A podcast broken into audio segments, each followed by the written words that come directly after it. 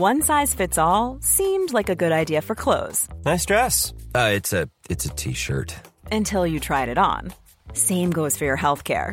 That's why United Healthcare offers a variety of flexible, budget friendly coverage for medical, vision, dental, and more. So, whether you're between jobs, coming off a parent's plan, or even missed open enrollment, you can find the plan that fits you best. Find out more about United Healthcare coverage at uh1.com. That's uh1.com. Hey, I'm Ryan Reynolds. At Mint Mobile, we like to do the opposite of what Big Wireless does. They charge you a lot, we charge you a little. So naturally, when they announced they'd be raising their prices due to inflation, we decided to deflate our prices due to not hating you.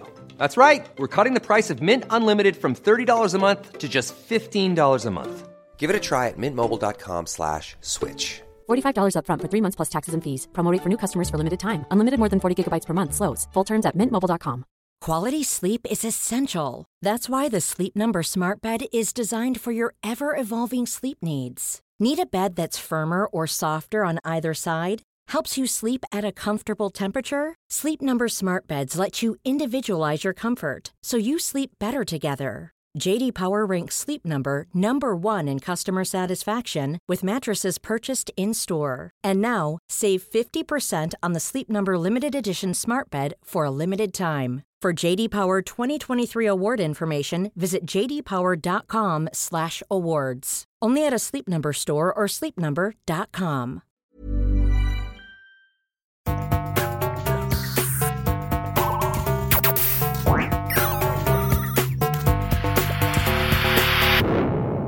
Velkommen til Sinnsyn. Jeg heter Sondre Risom Livre, er psykolog, og dette er Webpsykologens podkast. Hverdagspsykologi for fagfolk og folk flest.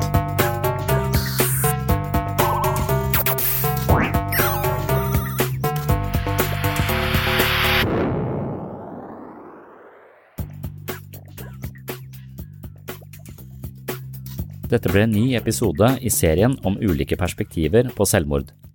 Depresjon, fortvilelse, lav selvfølelse, overveldende skyldfølelse, kroniske smerter, tap av verdighet, jobb eller relasjoner er blant de utallige årsakene til selvmord. I denne episoden skal vi ha fokus på en litt annen variant av årsakene bak selvmord.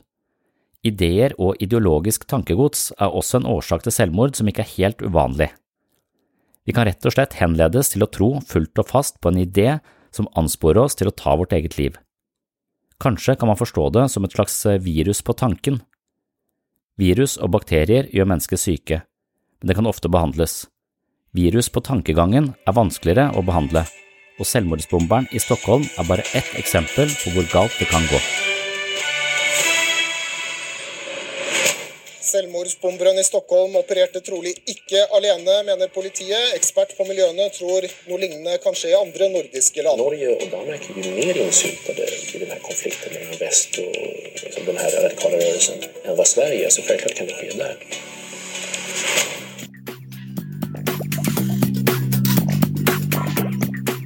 Svenskerakeren Taimur Abdul Wahab ble akkurat pappa for tredje gang. Likevel velger han å sprenge seg selv i lufta i en av Stockholms travleste handlegater klokka fem om ettermiddagen. VG skriver om hendelsen 14. desember 2010 under overskriften Flytte til England og ble interessert i radikal islam. Det er en vond historie vi har hørt mange ganger i ulike varianter, men episoden i Stockholm var første gang den utspiller seg i Skandinavia på denne måten. Slike hendelser ryster befolkningen og levner mange av oss i forbløffelse. Hva får mennesker til å begå selvmord av denne typen? Noen vil hevde at det verste et menneske kan rammes av, ikke er bakterier, virus eller andre dødelige sykdommer, men snarere ideer. Det verste som kan plantes i et menneske, er derfor ikke virus av fysisk karakter, men virus på tankegangen. Noen ideer kan ta bolig i mennesker og føre til handlinger av katastrofal karakter. Disse ideene kan man ikke fjerne med antibiotika eller andre medisiner, og derfor representerer de kanskje menneskets største utfordring. Den 28 år gamle Taimur er bare én av mange menn som fanges av radikale religiøse ideer og foretar noen prioriteringer som virker hinsides all fornuft. Med et løfte om ære og berømmelse og et nytt liv i en guddommelig dimensjon sprenger han seg selv i lufta med den hensikt å ta med seg flere i fallet. Det klarer han heldigvis ikke, men han har kanskje oppnådd sitt mål likevel. Han er den første selvmordsbomberen i Skandinavia. Spørsmålet er hvordan og i hvilken omfang virus på tankegangen kan spre seg. Det fungerer selvfølgelig ikke som andre sykdommer, og den grunn kan det hende at vi mangler en virksom kur mot slike åndelige sykdommer. I denne episoden skal vi se på ulike former for selvmord driftet av revolusjonære, religiøse, politiske eller martyraktige ideer. Man har registrert en økning i selvmord blant eh, unge mennesker. Hva skyldes dette? Hva slags forhold har vi egentlig til døden? Hvordan blir mennesker rammet av ideer som er livsfarlige? Døden er rammen rundt livet. I et slikt perspektiv er døden med på å gi livet mening og verdi. De som har stirret døden i hvitøyet, har ofte en annen evne til å sette pris på livets små og store øyeblikk dersom de får en ny sjanse. Per Fugli skrev blant annet om eh, det han kaller lyspunkter ved døden i boken Døden skal vi danse. Dette er en bok som eh, utforsker dødens vesen, og den er skrevet av Fugli i en periode hvor nettopp døden banket på hans egen dør. Når nettene blir lange og dagene tomme, tar jeg frem følehorn, blyant og papir og skriver om den verden jeg er i her og nå. Jeg er på feltarbeid, i sykerollen, i helsetjenesten, i dødssonen. Ikke som forsker, men som et søkende menneske på jorden. Dette var altså Per Fugli i boka fra 2010. Jeg har både lest og hørt Fugli prate om døden, og det gjorde et formidabelt inntrykk. Han evner å bringe dette fryktede tabu inn i livet på en måte som ikke eskalerer angst, men skaper livsbevissthet. Døden skal vi danse anbefales fordi den evner å gjøre døden viktig for livet på en finurlig og klok måte. I tillegg ansporer denne boken meg til å lage enda en episode om selvmordets vesen. Mens jeg leser boken, opplever møtet med selvmordstruede pasienter i min arbeidsdag på psykiatrisk poliklinikk og husker Taimor fra Sverige, og mange som han, sprenge seg selv i lufta, blir jeg trist, men samtidig nysgjerrig på drivkreftene i mennesker som begår selvmord som en bevisst og villet handling. I denne episoden fokuserer jeg på de menneskene som av ulike årsaker velger å dø. Noen eksistensielle filosofer vil mene at dette er det eneste reelle valget mennesker har – dø eller leve. Hva skjer egentlig når mennesker med viten og vilje går døden i møte? Og hva skjer når andre selvmord blir til inspirasjon og fostrer flere selvmordskandidater? Dette her henter jeg fra en artikkel jeg skrev for eh, mange år siden, en periode hvor jeg skrev og undersøkte mye rundt eh, selvmordet. Når jeg leser inn dette, så er det akkurat blitt eh, nyttår, 2020. Jeg har vært på ferie, og første juledag så dør Ari Behn av selvmord. Han tar eh, livet sitt, og dette er stor, eh, et stort oppslag eh, i mediebildet i disse dager. Og av en eller annen grunn, altså jeg møter selvmord og mennesker som tenker på å ta livet sitt hele tiden, men det var akkurat som jeg hadde Dette med Ari Behn gikk ganske, ganske hardt inn på meg, egentlig, og når dette her blir publisert, så er det kjempelenge siden, men akkurat nå så er det helt presserende og noe jeg faktisk tenker ganske, ganske mye på. Eh, jeg var på ferie eh, faktisk på Tenerife eh, når dette skjedde, og jeg har vært på Tenerife en gang før. Og da hadde jeg et Da var et av barna mine kun rundt et år gammelt, så jeg gikk ofte klokka fem om morgenen rundt i Teneriffes mørke gater og trillet på han. Og da hørte jeg Bakgård av Ari Behn, en av de bøkene som ikke har fått så gode kritikker, men som jeg elsket av en eller annen grunn. Så etter det så leste jeg alt av eh, Ari Behn, og hadde vel en sånn slags fordom mot han i utgangspunktet fordi han stammet på S-en og virka litt i overkant pompøs. Men når jeg leste det han skrev, så fikk jeg virkelig respekt for han som skribent og forfatter, og nå i senere tid også som, som kunstmaler. Jeg synes bildene hans er ganske ikke virksomme. De, de, gjør noe med meg, og jeg har også akkurat lest denne boka Inferno, som, eh, som slutter med ordet kiste, og er en slags roman eller en samling av små anekdoter knytta til disse bildene han har malt, spesielt i etterkant av da skilsmissen med Märtha. Så det er enda en grunn til at jeg fortsetter nå i dette selvmordssporet, for å komme litt tilbake til eh, hva er det egentlig som drifter disse destruktive impulsene i mennesket? I denne episoden blir det da først og fremst altså litt mer politiske og kanskje religiøst motiverte selvmord, men også igjen en undersøkelse av hva får mennesker til å ta sitt eget liv. Kjære pappa. Jeg husker at på konfirmasjonen min, da du holdt tale for meg, så skalv hendene dine. Du er så vant med å være på TV og alltid snakke selvsikkert foran mange mennesker, så da du skalv på hendene for meg, skjønte jeg at det betød ekstra mye. Jeg er så glad for at du fikk holde tale for meg. I dag skal jeg holde tale for deg, og jeg skjelver også kanskje litt på hendene. Jeg skulle gi deg denne tegningen som julegave. Jeg jobbet på den i minst ti timer, og mens jeg tegnet den, tenkte jeg på hvor mye jeg elsker deg, og hvor spent jeg var på å se reaksjonen din. Jeg har ikke sett deg på to uker, og jeg savnet deg allerede så mye. Og vi skulle egentlig feire jul sammen, og hadde gledet meg sånn til å se deg igjen. Men nå vil jeg aldri kunne se det koselige smilet ditt og de snille øynene dine igjen, og jeg vil aldri kunne gi deg den beste tegningen min av deg hittil. Jeg vet at det ville betydd så mye for deg, og det ville betydd så mye for meg også. Og det knuser hjertet mitt at jeg aldri får gi den til deg. Jeg gleder meg mest til å gi akkurat deg denne tegningen mer enn noen andre jeg hadde julegaver til, fordi du er alltid mest begeistret over kunsten min. Mer enn noen andre jeg vet om. Og du gir meg de aller beste komplimentene. Fordi du var forfatter, så var du flink med ord. Du sa alltid noe skikkelig stort og rart med masse metaforer og kompliserte ord i komplimentene dine til meg. Av tegningene mine ville du hoppe opp og nesten rope at de var fine. Jeg ble ofte litt flau, men syntes det var veldig koselig også. Her er en blanding av noen meldinger du sendte til meg som et eksempel på hva slags ting du ville si til meg. Du er eminent i uttrykket ditt. Du er en kommende stor kunstner, jenta mi. Ingen tvil om det. Elsker deg overalt i hele verden. Det er du som er den beste, klokeste og mest reflekterende 16-åringen jeg vet om min elskede datter. Åpen og samtidig riktig kritisk nok til å ikke gå i feller, og slik samler du stadig større innsikt og kunnskap om verden.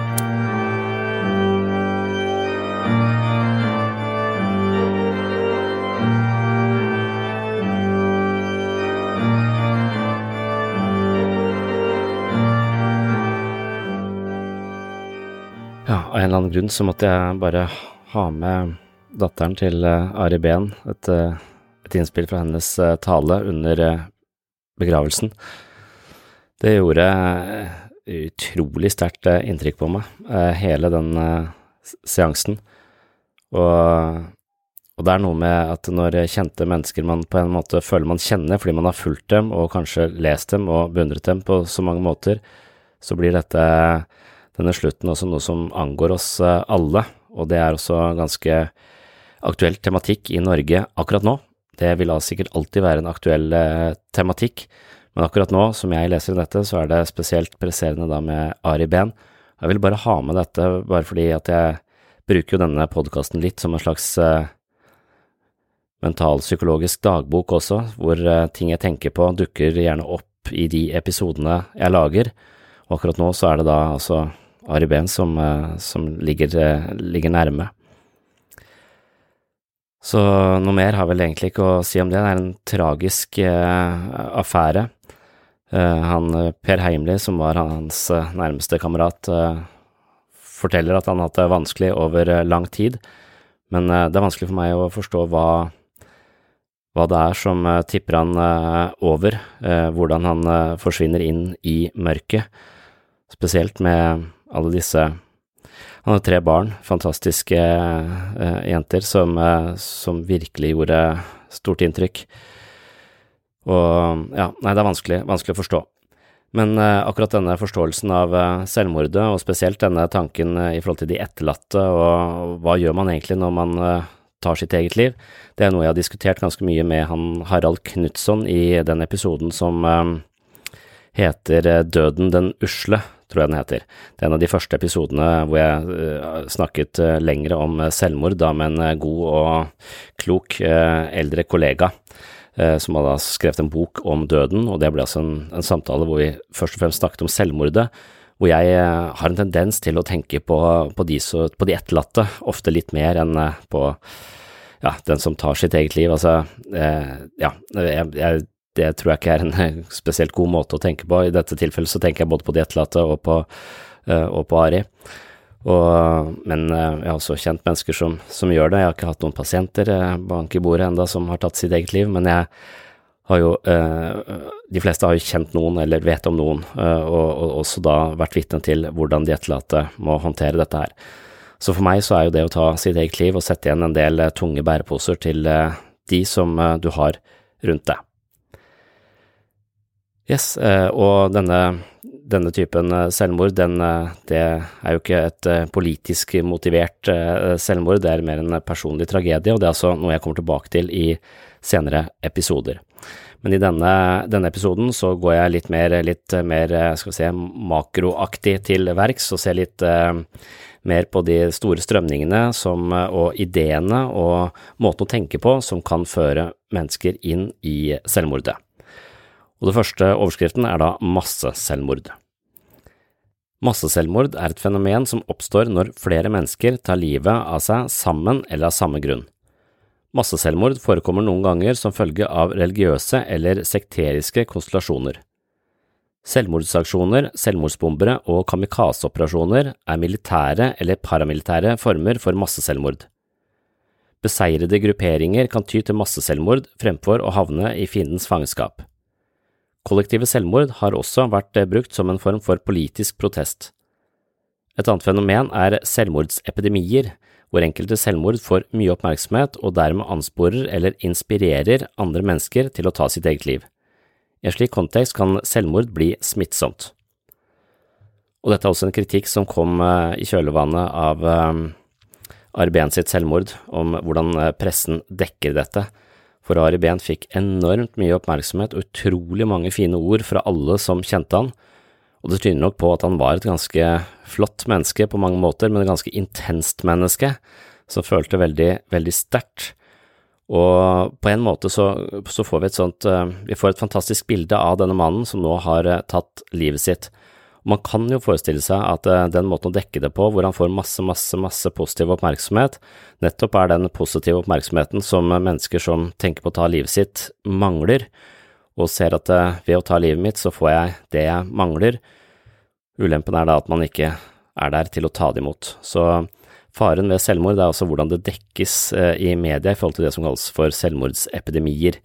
Og noen mener at selvmordet til Arben ble på en måte glorifisert litt, og dermed står eh, i fare for å være til inspirasjon for, eh, for andre. Jeg er usikker på akkurat det, jeg vet ikke. Mange historikere har registrert at selvmord kan utarte seg som en slags epidemi. Derfor møtes selvmordet ofte med kraftige sivile og religiøse foranstaltninger. Capuzzi og Golden fra 1988, side 89 for de som er veldig interesserte, tar for seg historiske materiale for å undersøke hvordan selvmordsepidemier kan spre seg. De nevner spesielt en selvmordsepidemi blant unge kvinner i den greske byen Miletus. Denne epidemien ble motarbeidet og dempet på en effektiv måte ved å paradere de døde kroppene over markedsplassen i byen. Opptoget ble en ydmykende affære overfor de som hadde gitt opp livet. Nettopp denne ydmykelsen gjorde imidlertid at man fikk situasjonen under kontroll. Det neste stikkordet er eh, martyren. Religiøs lidenskap har historisk sett ført til at mennesker tar selvmord på grunn av årsaker som umiddelbart ikke er så lett å forstå. Stillen og McDowell fra 1996 betraktet eh, Judas sitt selvmord som et eksempel på et eh, suicid basert på samvittighetsnag, og selvmordet til Sokrates og Jesus fra Nasaret kan forstås som tilfeller av altruistiske selvmord. Sokrates fikk valget om å forandre sin fremferd i samfunnet, men valgte heller døden, og det samme gjorde Jesus. Disse handlingene, eller valgene, karakteriserer disse menneskene som martyrer, noe som altså skiller seg fra selvmordskandidater. Disse menneskene sto fast ved sine prinsipper, hvorpå de indirekte valgte døden som følge. De valgte ikke døden for å flykte fra en vanskelig tilværelse, men valgte å stå fast ved sine overbevisninger noe som dermed førte dem i døden. Disse dødsfallene har blitt etterfulgt av utallige selvmord begått av mennesker som glorifiserer martyrdøden. Gibbon beskriver eh, donatistene som utgjør en sekt av fanatikere besatt av livets eh, forferdelse og en higen etter martyrdom. Innimellom profanerte de hedenske templer, tvang seg inn i rettssaker og forlangte at dommerne skulle gi ordre om deres umiddelbare henrettelse. De var villige til å gjøre hva som helst for å bli drept på grunn av håpet om å oppnå evig lykke. Ødeleggelsen de iverksatte ledet selvfølgelig til en hevngjerrig baksmell fra andre miljøer som resulterte i deres død. De henvendte seg til fremmede med trusler om at de ville dø hvis vedkommende ikke drepte dem. I denne svært spesielle sekten var døden selve målet, den religiøse holdningen til selvmordet som en vei til martyrdom eller martyrrollen ble senere kraftig kritisert idet man oppdaget at denne trenden spredte seg og et økende antall mennesker valgte den veien. Det førte til at eh, Sankt Augustin og senere Aquinas fordømte handlingene som en motstand mot Guds vilje.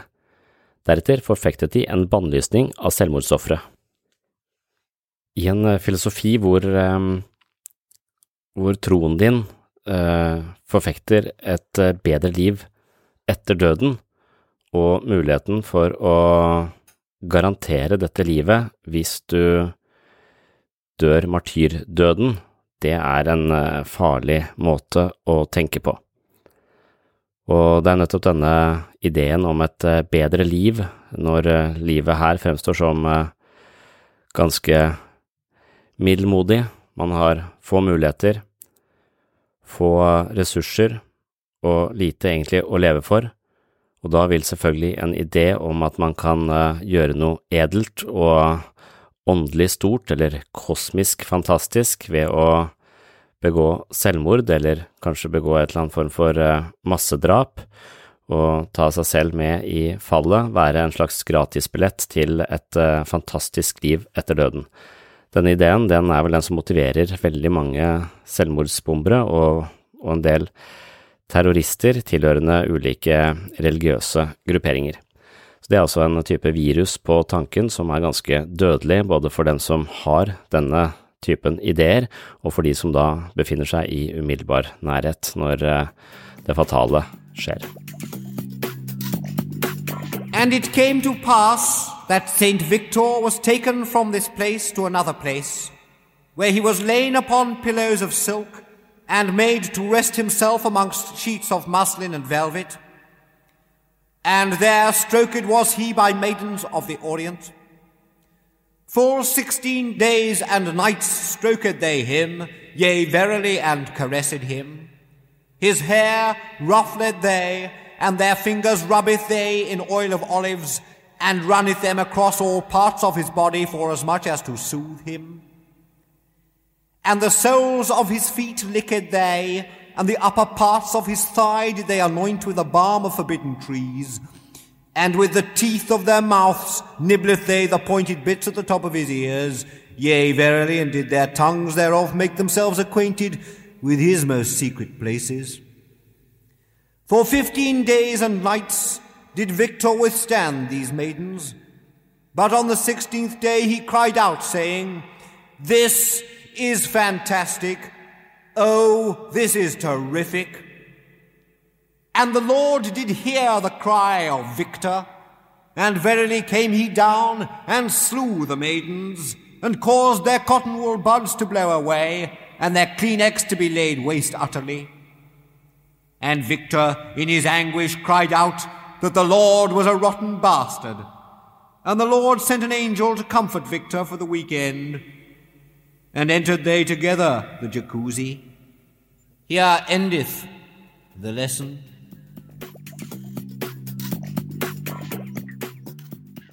Et av de største masseselvmordene i forbindelse med en slags eh, sekterisk virksomhet skjedde 18. november 1978 når den religiøse lederen Jim Jones ansporet eh, til et såkalt revolusjonært selvmord. Det sies at over 900 mennesker døde denne dagen i Sør-Amerika, ved Guyana, hvor man fant hundrevis av lik etter det kollektive suicidet. Hey, I'm Ryan Reynolds. At Mint Mobile, we like to do the opposite of what Big Wireless does. They charge you a lot, we charge you a little. So naturally, when they announced they'd be raising their prices due to inflation, we decided to deflate our prices due to not hating you. That's right. We're cutting the price of Mint Unlimited from $30 a month to just $15 a month. Give it a try at mintmobile.com slash switch. $45 upfront for three months plus taxes and fees. Promo rate for new customers for limited time. Unlimited more than 40 gigabytes per month. Slows. Full terms at mintmobile.com. Even on a budget, quality is non-negotiable. That's why Quince is the place to score high-end essentials at 50 to 80% less than similar brands. Get your hands on buttery soft cashmere sweaters from just 60 bucks, Italian leather jackets, and so much more. And the best part about Quince, they exclusively partner with factories committed to safe, ethical, and responsible manufacturing. Elevate your style without the elevated price tag with Quince. Go to quince.com slash upgrade for free shipping and 365-day returns. Millions of people have lost weight with personalized plans from Noom, like Evan, who can't stand salads and still lost 50 pounds. Salads generally for most people are the easy button, right? For me, that wasn't an option. I never really was a salad guy. That's just not who I am. But Noom worked for me. Get your personalized plan today at Noom.com. Real Noom user compensated to provide their story. In four weeks, the typical Noom user can expect to lose one to two pounds per week. Individual results may vary. Det var tilhengere av People's Temple, en kristen destruktiv dommedagskult, som døde etter drapet på kongressmedlem Leo Ryan og flere reportere. Myndighetene sier at fem, inkludert kultleder Jim Jones, døde av skuddsår. De fleste døde imidlertid av cyanidforgiftning. Det kollektive selvmordet kom i stand etter at Leo Ryan inspiserte området til People's Temple. Da han skulle reise tilbake, viste det seg at flere av medlemmene i sekten ville bli med, noe som skapte uro og frykt hos blant annet sektlederen. Det endte med at Ryan ble skutt, hvorpå de resterende medlemmene, over 900, valgte å begå selvmord istedenfor å møte forfølgelsen fra offentlige hold etter drapene. De fleste døde som følge av å drikke en blanding bestående av cyanid.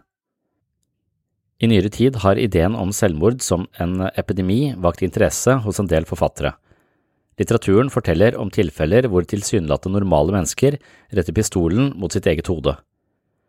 Ungdommer blir mer og mer tiltrukket av lovnader om et edelt mål som ligger langt unna, og i sine forsøk på måloppnåelse deltar de lidenskapelig i selvmordsoppdrag. De Charlies og Eisenberg bemerker at det var en 160% økning i selvmordstilfeller blant unge mennesker i USA. En undersøkelse understreker det faktum at 60% av ofrene hadde kjent en annen person som hadde begått selvmord. Etterlignelser av selvmord skjer ofte blant tenåringer når informasjonen om et selvmord får mye oppmerksomhet i media. Et annet eksempel er rapporter som vitner om masseselvmord i India som en reaksjon på det naturlige dødsfallet til eksempelvis politiske ledere. I en samfunnspsykologisk innfallsvinkel til selvmord har man altså sett at selvmord kan utvikle seg som en slags epidemi. Under visse omstendigheter kan selvmord inspirere andre mennesker til det samme. I noen kulturer har man fordømt selvmord og iscenesatt en slags offentlig ydmykelse for å unngå at andre gjør det samme. Hvordan media dekker selvmord og hvordan samfunnet oppfatter en slik handling, spiller ofte en avgjørende rolle. I senere tid har media fått en del retningslinjer å forholde seg til når de skriver om selvmord, blant annet for å unngå at selvmord får en inspirerende effekt. Dette er en tematikk jeg også har snakket om i et foredrag for mange, mange, mange år siden, og jeg tror på dette punktet her så legger jeg inn et, en liten vignett fra dette foredraget. Man har i forskjellige epoker hatt forskjellige oppfattelser av, av selvmord. Religion har kommet til å fordømme selvmordet, fordi de har sannsynligvis sett at det har en preventiv effekt. Det som er Vent litt med diagnoser, men det som er en, en, en faktor er at det, selvmord kan også smitte. Så kan, det kan oppstå selvmordsepidemier, som om folk blir slags inspirert av andre mennesker som tar, som tar selvmord. Martyrdøden og en del sånne ting som blir glorifisert, på en måte kan, kan skape en slags smitteeffekt. Så når Man så det man så det bl.a. et sted i Hellas, hvor det var veldig mange kvinner som tok, tok livet sitt. Man så en slags epidemi. Man så at dette spredte seg. Det man gjorde da, var at man tok disse døde kvinnekroppene ut på torget dette, og til spott og spe på en litt ydmykende måte. Så, så, det, så man spredte en slags sånn mis... Eller man, man, man, på en måte fordømte det offentlig, dette, disse selvmordene. Og da hvis selvmord er forbundet med noe negativt, så vil det også dempe epidemien. I vår kultur så har vi ikke så mye fordømmelse av selvmordet lenger. Vi kaller de ofte for de som tar selvmord, for selvmordsoffer.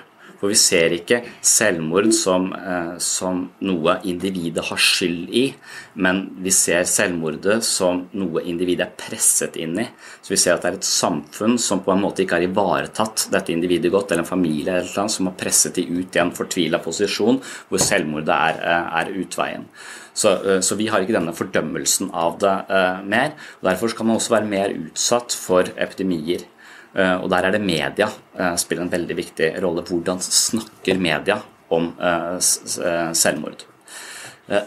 og da igjen kan man få denne hvis media blåser det opp og viser all sorgen og alt dette, så kan mennesker som føler lite oppmerksomhet, lite kjærlighet, føler seg utenfor, oppfatte dette, all denne kjærligheten som denne avdøde personen, all denne sorgen som, eh, som, eh, på en måte tilskrives denne døde personen, kan på en måte inspirere til at man selv eh, begår, begår selvmord. Da. Som en slags ønske om denne oppmerksomheten som de mangler i livet, i, i livet sitt. Så media har etter hvert fått en del sånne retningslinjer på hvordan de skal omtale og, og, å snakke om selvmord. Eh, for det er veldig sårbart, eh, og det kan spre seg.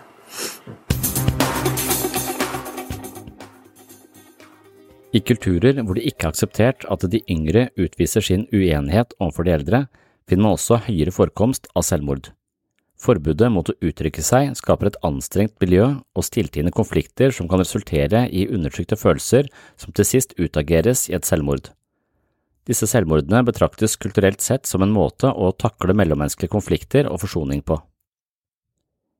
I stillehavskulturer er det ikke så vanlig å betrakte selvmordet som et resultat av psykologisk forstyrrelse.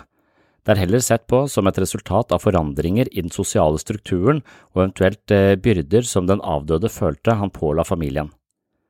Døden er dermed en slags eh, skånsom beslutning som foretas for å unngå å legge familien til last en slags tanke om at de har det bedre uten meg. Ideen om at selvmordet er smittsomt ble lansert av eh, Pass Soldan. Han la merke til at eh, publisiteten rundt et selvmord kunne ha negative ringvirkninger. Derfor mener han rett og slett at eh, informasjon om selvmord burde være av en fordømmende karakter og så kortfatta som mulig. Han foreslår altså en strategi hvor man tilstreber å gi selvmordet så lite oppmerksomhet som mulig, og den oppmerksomheten det får, bør være av negativ karakter. Han ser for seg at denne typen kommunikasjon vil gi negative assosiasjoner til selvmordet, noe som videre vil hjelpe til med å kontrollere en eventuell epidemi. Det er simpelthen oppmerksomhetens natur, og ikke sosiale tilstander, som omringer den typen epidemier, og som videre ansporer andre mennesker til å begå selvmord. Enkelte opplever stort underskudd på omsorg og kjærlighet, hvorpå ideen om å dø assosieres med den oppmerksomheten de mangler i livet. Man velger døden for å vinne en sårt tiltrengt omsorg og oppmerksomhet, noe som ikke representerer annet enn en trist affære hvor omtanken selvfølgelig aldri kommer avdøde til gode. Langt de fleste religioner ser på selvmordet som en handling utført av ansvarlige individer, men psykologi og sosiologiske teorier ofte betrakter et suicid som et uttrykk for forstyrrelser i kulturen som omgir individet. Enkeltmennesket eller offeret for selvmordet fritas for skyld og ansvar i en slik forståelsesramme. Igjen så er det nærliggende for meg å tenke på Ari Behn, som eh, jeg tidligere nevnte er ganske friskt i minne nå når jeg spiller inn disse episodene om eh, selvmord. Hans eh, selvmord har fått veldig masse oppmerksomhet, og tidligere i dag så har jeg sittet med en mann som som forsøkte å, å skyte seg sjøl eh, i løpet av eh, romjula, og sier vel at denne aksepten som Ari Behn eh, har fått, denne, all denne alle disse godordene og denne følelsen at det var akseptert, at folk aksepterte at han tok livet sitt, det var det som på en måte tippet han over, eh, over kanten selv. Jeg nevnte dette også tidligere i episoden, men det gjorde ganske sterkt inntrykk på meg, og det representerer dette dette dilemmaet man har i, i, forhold til selvmord, og hvordan det hvordan det skal eh, presenteres, snakkes om og, og uttrykkes i eh, media. Og jeg er også akkurat ferdig med å lese denne boka til, til Ari Behn, hvor han mer eller mindre gjør kunst ut av selvmordet. Denne boka som het Inferno, som da er den boka han skrev når han hadde det ganske jævlig de siste åra. Den kom ut i 2018, og, og hele, hele, boka er jo en samling av anekdoter og små, små fortellinger og masse av Ari Behns bilder. Og det er helt umulig å lese dette som noe annet enn et dødsbrev. Det begynner allerede på første side å legge opp til, til et fremtidig selvmord, sånn, eh, sånn, jeg ser det. Kanskje lett å lese det sånn i etterkant når det faktisk har skjedd, men, eh, men hør her på, på første, den første åpningen av denne, denne boka her. Det er som om verden holder pusten. Det er ikke sant. Det er jeg som holder pusten, og det er du som puster liv i meg. I blokkhuset øverst oppe til venstre, i det innerste værelset i den lange korridoren, klemt inn bak døren, her sitter jeg og venter på døden gitt som gave i offentligheten. Skarpretteren og bøddelen. Jeg skal henrettes på torget ved soloppgang, i full offentlighet. Det er en befrielse, det er det nødt til å være, den store lettelse. Og sånn begynner altså denne boka med veldig sterke, eh, fargerike bilder. Uh, og det er helt tydelig at dette er en mann som er så langt nede i kjelleren, i et så utrolig mørkt eh, og fryktinngytende plass i livet sitt. Og det er, eh, det er rett og slett eh, jeg skal si, det, har gjort et formidabelt inntrykk på meg i, i jula. Jeg synes det er, er, helt forferdelig.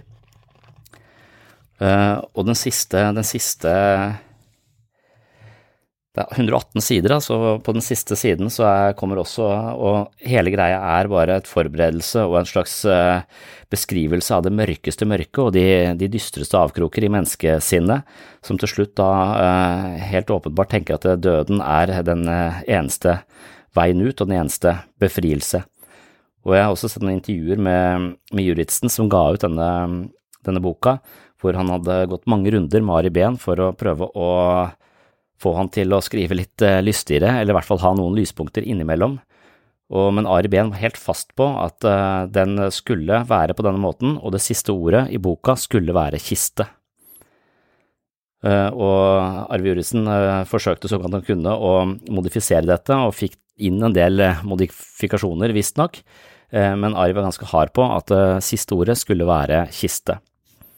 Og Da vil jeg bare også lese den siste, den siste paragrafen i denne boka, hvor du da har lest 118 sider med en slags dødsdans i eh, det stummende mørket.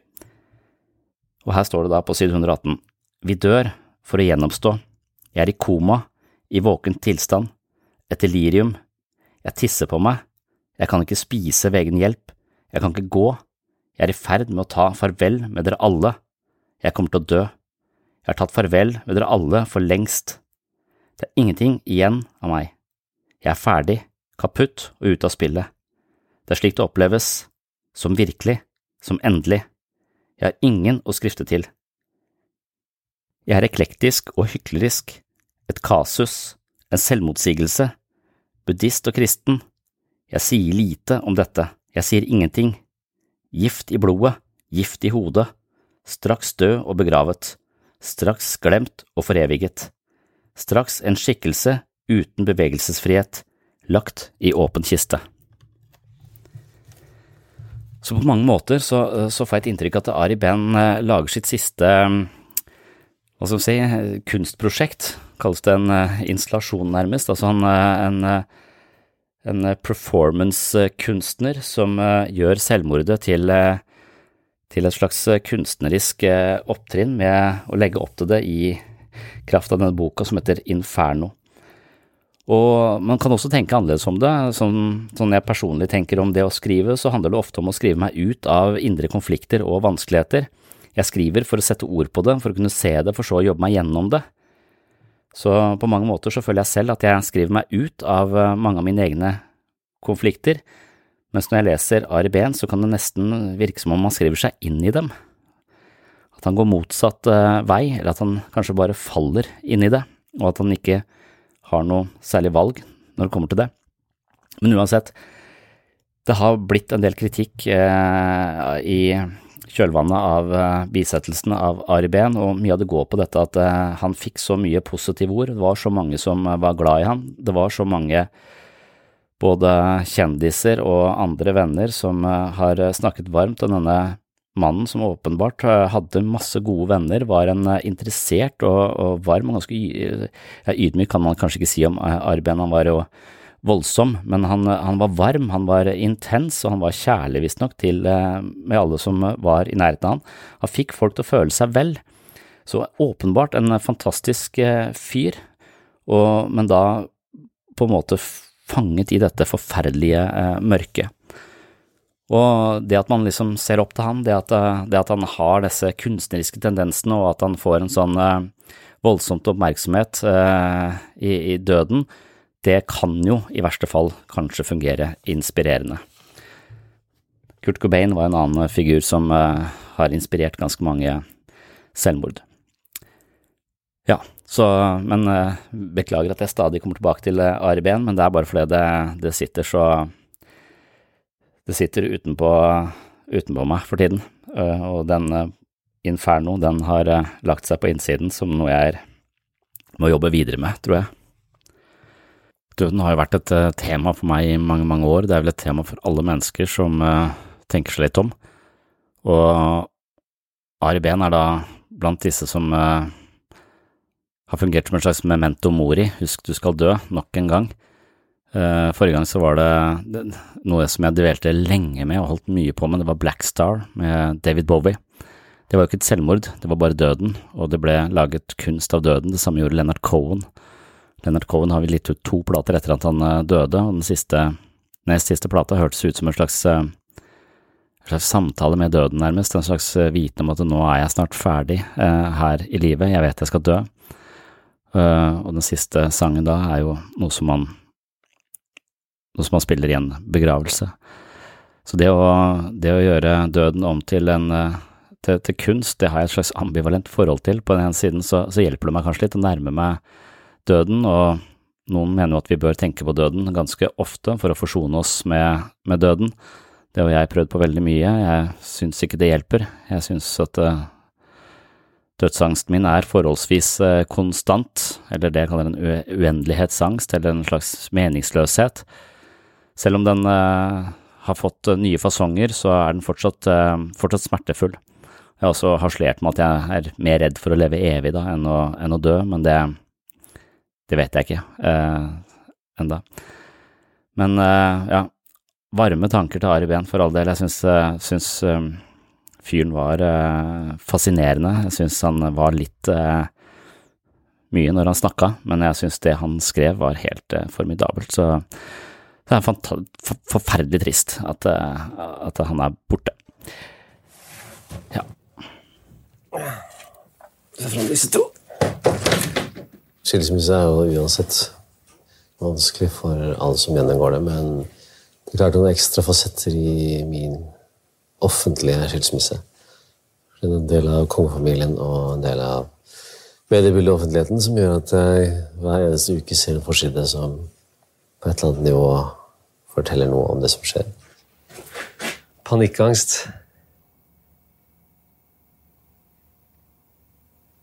Som alltid tre dager etter at jeg visste, eller det var på en måte sånn som det gikk med oss. Altså det er en sånn fortvilelse å være til stede i seg selv, eller sånn, komme ut av øyeblikket, eller Da sitter du fast. Du sitter fast i deg selv. Enten du vil eller ikke. Så du må bare ned i smerten og i pinen. Jeg husker jeg hadde det i tiårene. Sånn, plutselig skjønte at jeg var dødelig. Fælt. Men det gjør vondt å se på det bildet. Det er ikke sånn jeg skal ha i stuene sine.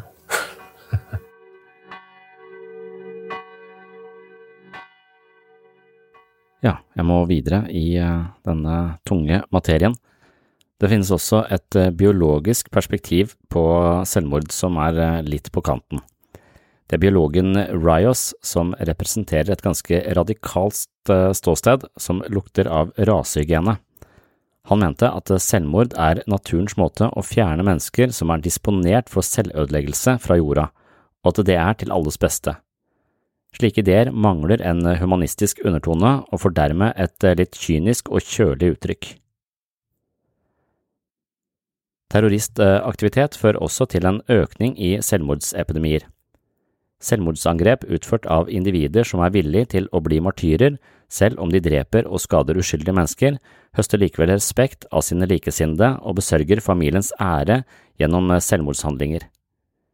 Muligheten for å bli martyr er spesielt interessant for unge mennesker som ikke ser annet enn fattigdom, mangel på sosial aksept og ubetydelighet i sine fremtidsutsikter.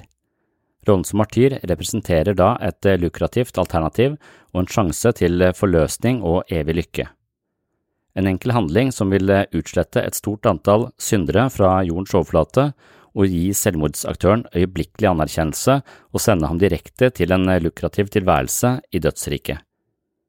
Slike ideer kan dessverre lokke mange mennesker i døden. Selvmordsepidemier kan håndteres ved å tilskrive dem lite respekt og begrenset oppmerksomhet. Historisk sett virker negativ omtale avskrekkende. Denne avskrekningsmetoden fungerer imidlertid ikke på selvmordsbombere. Forherligelsen av selvmord ved martyrdom gjør det vanskelig for land å forstå og håndtere det på en effektiv måte. Den negative omtalen rundt selvmord preller av land som eh, feirer berømmelsen og æren oppnådd av et liv som har gått tapt. Individualistiske kulturer har derimot funnet måter å kontrollere epidemier på, men mange nasjoner strever likevel med å håndtere problemene som oppstår i situasjoner hvor selvmord avler flere selvmord. I dag ser vi også en stigende tendens til selvmord blant unge mennesker. Dette er tema i boken Dette burde vite om selvmordet blant unge av Claire Wallerstein og Svein Tore Stiansen. Boken tar for seg det økende antall selvmord blant ungdom i de senere årene. Den tar også for seg risikofaktorene for selvmord og behandling av problemene før de blir alvorlige.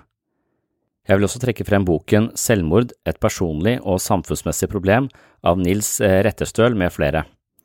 Boka forteller om utbredelse og utviklingstendenser og gjør rede for risikofaktorer, behandlingsmuligheter og forebyggende arbeid. Den henvender seg først og fremst til leger, psykologer, sykepleiere og andre helseprofesjoner, men den kan også være av interesse for pårørende. Til sist vil jeg anbefale en klassiker innenfor dette området, nemlig boken til Emil Dyrkheim som heter Selvmordet – en sosiologisk undersøkelse. Durkheim er en av våre viktigste opphavsmenn til moderne sosiologi, og i boken Selvmordet er det nettopp de sosiale årsakene til selvmordet som undersøkes. Så det tror jeg ble slutten på dagens eh, episode. Tre litteraturtips for de som er mer interessert i selvmordet. Et fjerde litteraturtips hvis du vil bli skaket i sjelen og sove dårlig i lang tid, er Inferno av Ari Behn.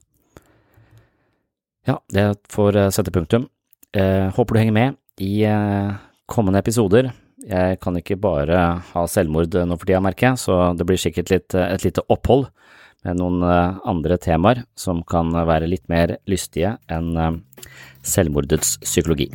Så heng med, og på gjenhør!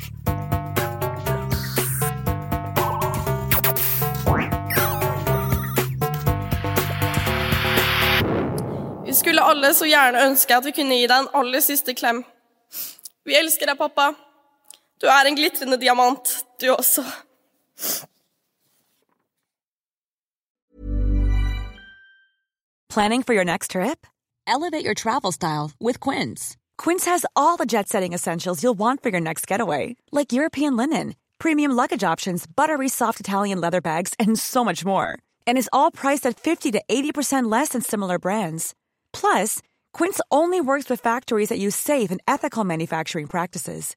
Pack your bags with high-quality essentials you'll be wearing for vacations to come with Quince. Go to quince.com/pack for free shipping and 365-day returns. Ever catch yourself eating the same flavorless dinner 3 days in a row, dreaming of something better? Well, HelloFresh is your guilt-free dream come true, baby. It's me, Kiki Palmer. Let's wake up those taste buds with hot, juicy pecan-crusted chicken or garlic butter shrimp scampi. Mm. Hello Fresh. Stop dreaming of all the delicious possibilities and dig in at HelloFresh.com. Let's get this dinner party started. Planning for your next trip?